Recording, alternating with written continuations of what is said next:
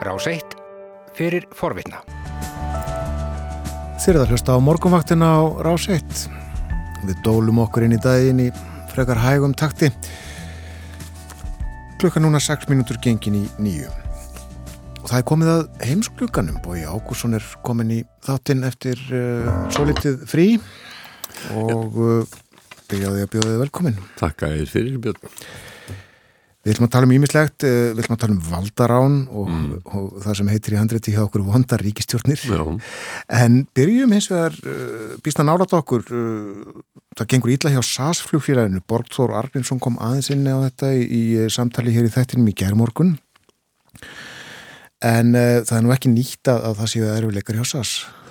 Nei, en samt sem áður, áðurinn að koronaviru faraldurinn skall á að þá var flugfélagið reygin með hagnari en um, nú er svo komið að uh, menn telja að það sé ég vil hætta á rekstrar þróti, tækist ekki að lækka útgjöld og auka tekjur. Um, það sem eru veldur sás mestum vandraðum er að fólk sem að flýgur í viðskiptaðinnitum sem hefur lungum verið svona driksti tekjudriksti hópurinn í viðskiptamannahópið þeirra að það flýgur ekki jafn mikið að gerði og það er náttúrulega eins einfalt og, og það er það er út á koronavirunni en það fólk það greiðir jafnan miklu hæra verð fyrir farmiðan heldur en þeir sem með að fara í frí og business fólk það hefur einfallega átt að segja á því að það er hægt, hægt hæ, hægt að hætta að fljúa og fara á fundi e, bara einfallega með fjárfundum sem auðvitað svona vinsælir eða bæði vinsælir og vinsælir í, í, í, í faraldunum. Simon Pák Hansen sem er forstjóri SAS, hann segir að viðskiptaferðum hjá félaginu hafi fækkað um helming. Vi har 50% af markedet tilbage efter pandemien. Vi har lagt en plan, hvor vi skal arbejde for at sikre et effektivt og konkurrencedygtigt SAS, og det er den, vi, vi følger nu. Þarna sagði Hansen að SAS væri með áætlanin til þess að bæta reksturinn en það gæti nú reynst bísna torsótt leið. Já. Sko SAS er eitt af þessum gömlu rótgrónu flugfélögum sem að mörg voru kolluð þjóðarflugfélög, Flag Carriers, uh, Það má nefna Air France, Finnur, KLM í Hollandi, Iberia og Lufthansa og, og, og Æslander. SAS er í rauninni þjóðarfélag þryggja landa, Danmörku, Norris og Svíþjóðar og, eitt þessara rótgrónu félaga sem að við vorum að nefna svona flagkarjes var Alitalia, rekstir þess var endanlega hætt núna um miðan oktober og, og þar með lög 75 ára sögu félagsins. Já, og með því flög Páinn í Róm? Já, hann flög oftast með Alitalia það verður spennend að sjá hvernig Páinn ætlar að ferðast í framtíðinni. Um, kallmerki í ferðana þegar að Pái var um borð var Volo Papale, Pávaflug. Já. Nú er spurning hvort að uh, hver fær uh, þann heiðustittil á næstunni? Undir það síðasta þá var alveg Ítalja að, að fullu í eigu ítalska ríkisins og það er nýtt ríkisfélag ETA Airways eða Italia Trasporto Aero sem á að taka við megnin af eignum að Ítalja og kannski að Páinn ferðist með þeim áfram. Já, og það verði Volo Papali. Það verði Volo Papali í framtíðinni. Mm. En sko mörg þessara gömlu rótgórunafélag hafa átt í verilegum vandraðum í, í samkeppninu og það er ekki bara koronaviru faraldurinn, í samkeppninu við lágjaldaflugfélag. Um, eins og ég myndist á áða það var sælsvörinnar reikið með hagnaði fyrir uh, greppuna en uh, það átti sjálft í mikill í samkeppninu við Norvítsjan sérstaklega og svo berst Norvítsjan nú í bökkum. Uh, og það eru aðra ástæður fyrir því en líka faraldurinn. Vandi SAS og margra þessara rótgrónu félag er að rekstra kostnæðurinn oft mjög hár, miklu hærri heldur en hjá keppinutum Um, þau borga til dæmis miklu herri laun almennt og það er í og með vegna gamalla kjara samninga og líka þess að meðalaldur starfsfólksins er miklu herri hjá þeim og félagum eins og Ryanair, EasyJet, Air og, og, og fleiri þau greiða flugliðum oft verktakarlun mm -hmm. og reyna sko lind og ljúst að komast hjá reglum á, á vinnumarkanum þau krefjast miklu meira vinnuframlags og þau er ekki bundin á kjara samningum sum, mörg og hann er að launakostnarinn miklu lægri. Jakob Pedersen sem er sérfræðingur í samgöngumálu hjá Suðbanki Danmark og hann segir að SAS hafi dreyist aftur úr keppinutum í viðlitninni við að lækka kostnar. Man ligner et selskab, der halter efter konkurrenterne i forhold til at få bragt omkostningerne ned. Og þetta er meðal þess sem að Simon Pák Hansen, fórstjóri, vil eh, breyta hjá SAS. Hann vil sveianlegri reglur um vinnutíma og vinnuframlag allra starfsmanna SAS. Det kræver større fleksibilitet uh, fra alle arbejdsgrupper í SAS. Og þá er spurning hvernig fólk tekur í, í þessa kröfu fórstjóðanars? Já, það er nú fæstu til að uh, vinna meira fyrir minni laun? Nákvæmlega, Æslandi er lendi nú í þessum og það gekk nú ekki alveg átakalust uh, að fá fram þessar kröfur með, með, með meira vinnuframlega nýta starfsfólki betur og, og, og í, í Danmarku það er eins og annars það er auðvitað er enginn fagnuður yfir, yfir, yfir slíkum bóðskap og Henrik Mæner sem er trúnaðamadur hjá HK sem er svona vaffer þeirra danska, hann segir að verkælisfíluðin þau átti sér virkið vissulega á því að það sé í krísu og þau vilji leggja sitt af mörgum en hann vil semja sem jafningi það sé ekki hægt að fara i viðræður það sem að mótaðilinn miði bissó að enninu á þér. Vi anerkender jo firmaet er i, i krise, og vi, og, og vi vil jo også gerne byde ind og hjælpe, men vi vil gerne være ligeværdige, når vi går ind i en forhandling. Man kan ikke gå ind med en pistol for panden og forhandle. Det kan simpelthen ikke lade sig gøre. menn segja sko að það séu sérstaklega um, flugmenn, flugfriður og flugþjónar sem að þurfi að vinna meira á sumrin uh, og um helgar ef að félagin á að takast að auka uh, sinn hlut meðal uh, farþega sem að eru að ferðast á eigin vegum eru bara reynilega að fara í frí. Það býða því erfiði samningar við verkefælisfélag og, og, og þau eru að sjálfsög ekki tjærlega ánæð með að félagi gefi út yfirlýsingar um slæma stöðu áður en að samninga við verðan að hefjast trúnaða maðurinn Mænir sagði að þetta væri sko alls ekki fyrsta skipti sem að SAS beitti þeirri aðföll að koma með yfirlýsingar i fjölmjölum til þess að þýsta á stafsfólki Det er jo ikke første gang SAS går ud og gør det på den her måde her, hvor man går i, i pressen og medierne for ligesom at lægge tryk på, på de ansatte. Henrik Mannir, hann talar rætt Já, hann talar rætt, já, já það getur verið að skilja þetta sko þegar hún er, hún er tölum mjög rætt það er En verkefnisfélagunum þeim líst líka afar illa á hugmyndir uh, SAS um að stopna dótturfélag sem SAS sæðist raunar hafa verið á móti fram að krísunni. En uh, sko dótturfélagin eru þá ekki bundin af samningum sem að móðurfélagi hefur gert. Þetta leið sem að til dæmis Lufthansa hefur farið með lágjaldaflugfélaginu Eurowings Lufthansa og einnig uh, Swiss International Airlines sem er ártakki Swiss Air sem að fóra á hausinn fyrir ja, næri 20 árum. Þeir eiga Austrian Airlines uh, Brus, uh, Brussels Airlines og Air Dolomiti þannig að Lufthansa grúp er verulega stór. Og SAS er sko alls ekkert eina félagi sem að vill endur semja en SAS er hugsanlega veikari stöðu heldur en mörg önnur félög vegna þess að það er að hluta til í ríkisegu og starfsfólkið telur að ríkið hlaupi undir bakka félagið verði ekki látið verða gæltróta mm -hmm. Og við þekkjum auðvitað stöðuna hér með Æslandir Já. Þar sem að, að félagið hefur já, fengið aðstóð frá uh, ríkinu. En, en uh, sko við höfum nefnt hér fjölda flugfélaga mörg hafa fengið mjög mörgir það ekki ríki styrki í einu eða öðru formi vegna heimsfaraldusins Jú, með þess að í landi kapitalismans í bandaríkjanum þar hefur ríkisjóður beinir auðsið peningum til flugfélaga Lufthansa Group er að hluta til núna í ríkisegu vegna ríkisstyrkja og, og það var gaman að heyra sko hinn lítríka eigenda uh, Ryanair, Michael O'Leary sem hann lísti því hvernig Lufthansa hefði leitað eftir ríkishjálp, það hefði verið eins og drukkin frændi í brúðkaupi sem að sipi af glösum hjá öllum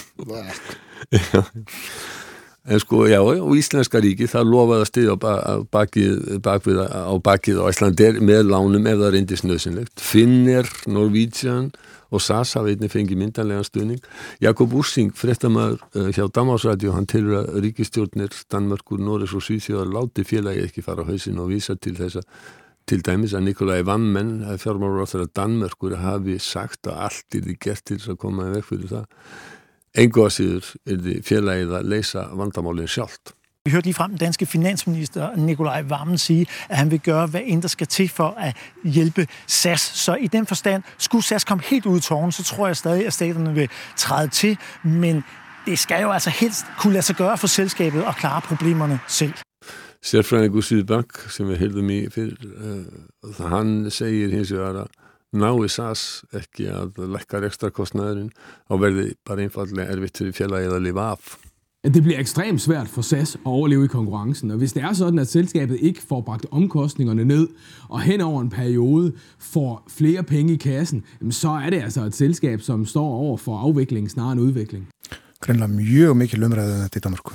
Já, það er talsið, og það er aldrei skvítið að SAS hefur greinilega farið í, í, í svona fjölmiðla herfyrir í Danmarku því að það er ekki nærið mikið talað um þetta í Svíþjóð og Núri. Nei, eru höfustöðnar í Köpnöð, mástu það? Nei, höfustöðnar í Stokkómi. Já, já.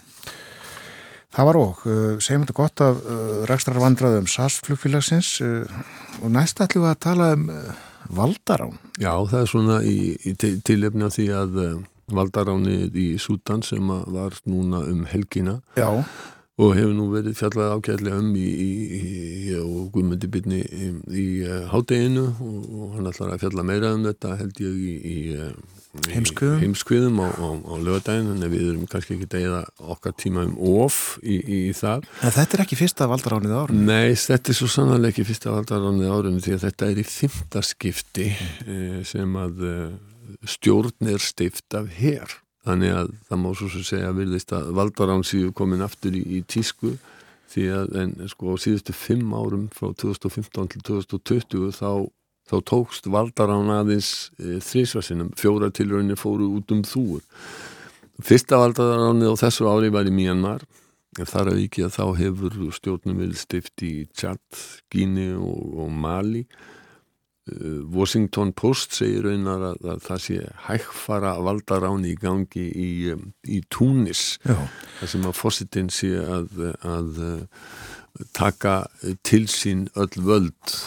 Eh, en uh, það má svo sem segja að líðræðið sé á undanhaldi yllu hilli í heiminum og, og það gildir líka í Evrópu þar sem að uh, ríkistjórnir uh, Já, minnst að hvort þið tekja ESB-ríkja hafa sínt ótfýraða tilburði til þess að afnema líðræði og auka sín eigin völd og, og þurfi ekkert að standa skil á, á einn gerðum. Það við erum að tala um Póland og Ungariland en þar hafa menn ekki gengið svo langt að, að reyna afnema á kostningar eh, en, en eh, þeir hafa ríkistjórnindar hafa gert og Viktor Orbán til dæmis í Ungurirland hafa gert allt það sem ég geta til þess að herða tökin á landinu.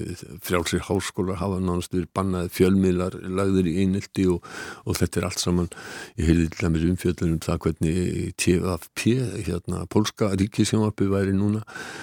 Það eh, skildi frá því þegar að, að eh, fórsættisráþarann var, var að rýfast við Evrópuþingið eh, og skilmerkilega en það það var það eina. Það heyrðist ekkert í, í hérna útsúli fóndur mægin var, þetta var sko og, og í kostningabaráttu þá hefur, hefur, hefur þetta bara verið eins og áraðustæki e, stjórnana Og aldrei ekkert blómaskeið líraðisins í Östur-Európaríkunum Nei, það, nei, nei það, það er það alls ekki sko upp úr aldamótonum að, þegar að ríki í Östur-Európa voru að ganga í Európa-sambandið þá voru vonir bundnar við að líðræðið festist í, í sessi.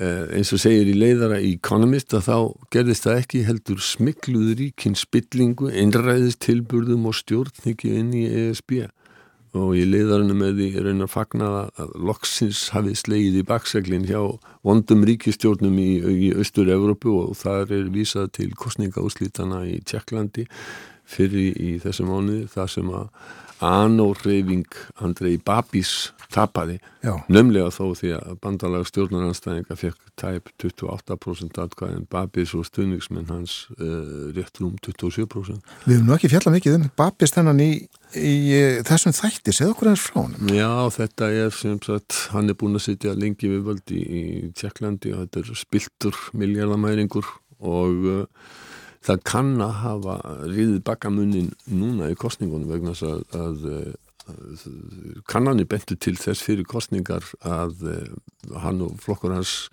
fengi meiri hluta enn á ný eða, eða flest atkvæðin uh, en uh, það komið síðan fram upplýsingan um hann í Pandóruskjölunum bara rétt fyrir kostningar og það hefur sennilega breytt því að, að stjórnar anstæðingar náðu að knýja fram já þegar þeir fengu fleiri atkvæði Já.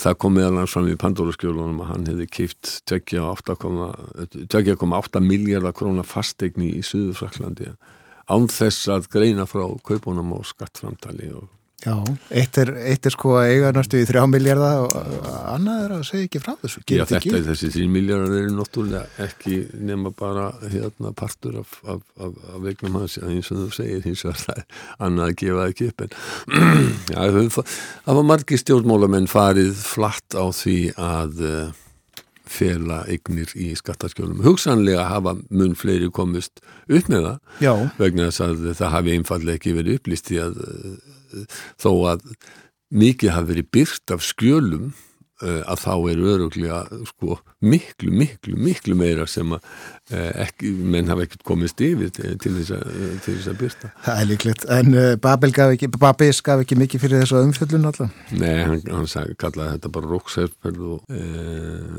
annað sem var aðteglis og það er náttúrulega alveg klassisk viðbröð manna segja að þetta er bara áróður gegn mér og þetta eru politíska anstæðingar og róksefferð og, og hérna hvað, hvað, hvað þú vilt. Já.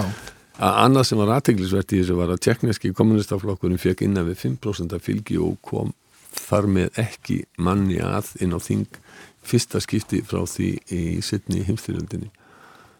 Já, já, já, já. Economist er oft í svona políunleik þeir eru stundum mjög bjarsinir og, og svona fyrir það að sjá jákvæð merki. Það nefnir einnig að, að, að Susanna Kaputova var kjörinn fósetti Slovaki hitti fyrra. Hún er þekkt fyrir baráttu sína gegn spillingu sem hefur þrývist í Slovaki eins og í flestum ríkjum Östur-Európu mm.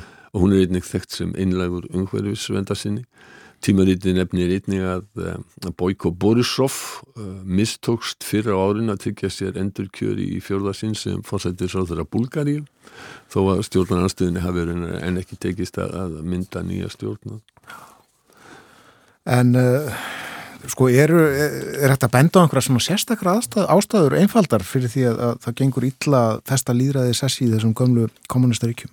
Þannig má náttúrulega segja sko að kommunistaríkin voru gríðarlega spilt spillingin var mjög rót gróin og valdaskiptin voru kannski ekki jafn hrein uh, og, og, og gamlir kommunistalitor til dæmis í Tjekkoslovaki Tjekkoslovaki og Tjekklandi þar sem að fóru sko, þar sem að kommunistarinn voru áfram inn á þingi þó við varum ekki beinleins við völd að þannig að svona allt samfélagið var svona daldið undir þetta en Economist og fleiri frettaskynitur þeir nefna það að það er margir í hópi þeirra sem eru framtagssamastir og frjálslindastir þeir hafa bara hreinlega flutt til annar líka Europasambandsins eh, og eh, þannig að þeir eru ekki hérna í hópi kjósenda. Ég veit náttúrulega ekki öðruglega misjátt hvernig, hvernig menn geta kosið. Eh, og í, í Pólandi þá verður að geta þess að, að og vísum til þess sem að hérna Dóra Sif Tínes var að tala um hér í hérna príðilega í gær. En sko og þar er, er stjórnarflokkurinn lög og réttur, þetta er populískur hæði flokkur, hann er mjög kathólskur hann hafðar yngum til fólks utan stóruborga uh, landsins. Þessi fólk er trúa, mm -hmm. afturhaldsamt það vil ekki vita af, af hins eginn fólki, hvað þá þungunarofi um, stjórnum þessi lögur réttur hefur auðsið peningum í, í, í, í þetta fólk og það er náttúrulega miklu leiti peningar Európusambansins því að það er ekkert land í Európusambandinu sem hefur fengið jafn mikla styrki og akkurat uh, pólverðar Nei. En uh, þannig að og í Ungurilandi að þar uh, hefur stjórnarnastan hugsanlega læst af tjekkum og hefur saminast það verða kostninga þar á, á næsta ári við getum hugsanlega rétt meira um þetta í næstu viku, við erum að verða búinir á tíman Stefnum að því á endilega. Við komumst til dæmis ekki, mér langaði að nefna að að leika Hammond fyrirandi formaður grænleisku stjórnarinnar er, eða fórsættisáþara grænleis er aftur gengin til þess við síum út þar eru alltaf skemmtilegi hlutir í gangi. Gaman fylgjast með politíki á grænlandi. Kanski við ræðum hana næsta, kæra það ekki fyrir í dag. Takk sem er liðis Þú varst að hlusta á hlaðvarpsþátt frá Rás 1. Ef þið langar til að heyra meira, farðu þá á rúf.is skástrygg hlaðvarp eða spilaran á rúf.is skástrygg útvarp. Rás 1 fyrir forvitna.